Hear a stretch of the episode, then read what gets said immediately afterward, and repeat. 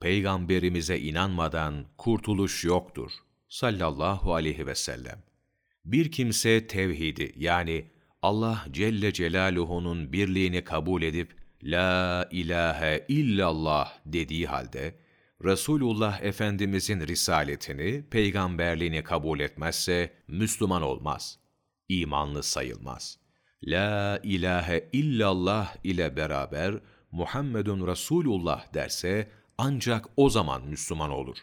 Yahudi ve Hristiyanların sadece La ilahe illallah Muhammedun Resulullah demeleriyle Müslüman olduklarına hükmedilmez. Çünkü bu sözleriyle icabında Muhammed sallallahu aleyhi ve sellem peygamberdir ama Allahu Teala'nın size gönderdiği peygamberdir demek isteyebilirler.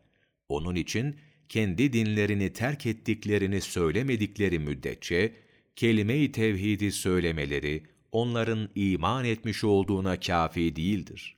Hatta bir Hristiyan eşhedü en la ilahe illallah deyip arkasından da Hristiyanlığı terk ettiğini söylese yine Müslüman olduğuna hükmedilmez. Çünkü Hristiyanlığı bırakıp Yahudiliğe geçmiş olabilir. Nitekim Yahudiler de eşhedü en la ilahe illallah derler. Hatta sadece ben Müslümanım demesi de yetmez. Çünkü Müslümanım demek, hak ve doğru olanı kabul ediyorum demektir. Çünkü her dinin sahibi, kendi dinini hak ve doğru kabul eder. Onun için İmam-ı Azam rahmetullahi aleyh şöyle diyor, bir Hristiyan veya Yahudi, ben Müslümanım dese veya Müslüman oldum dese, ona bu sözle ne demek istediği sorulur.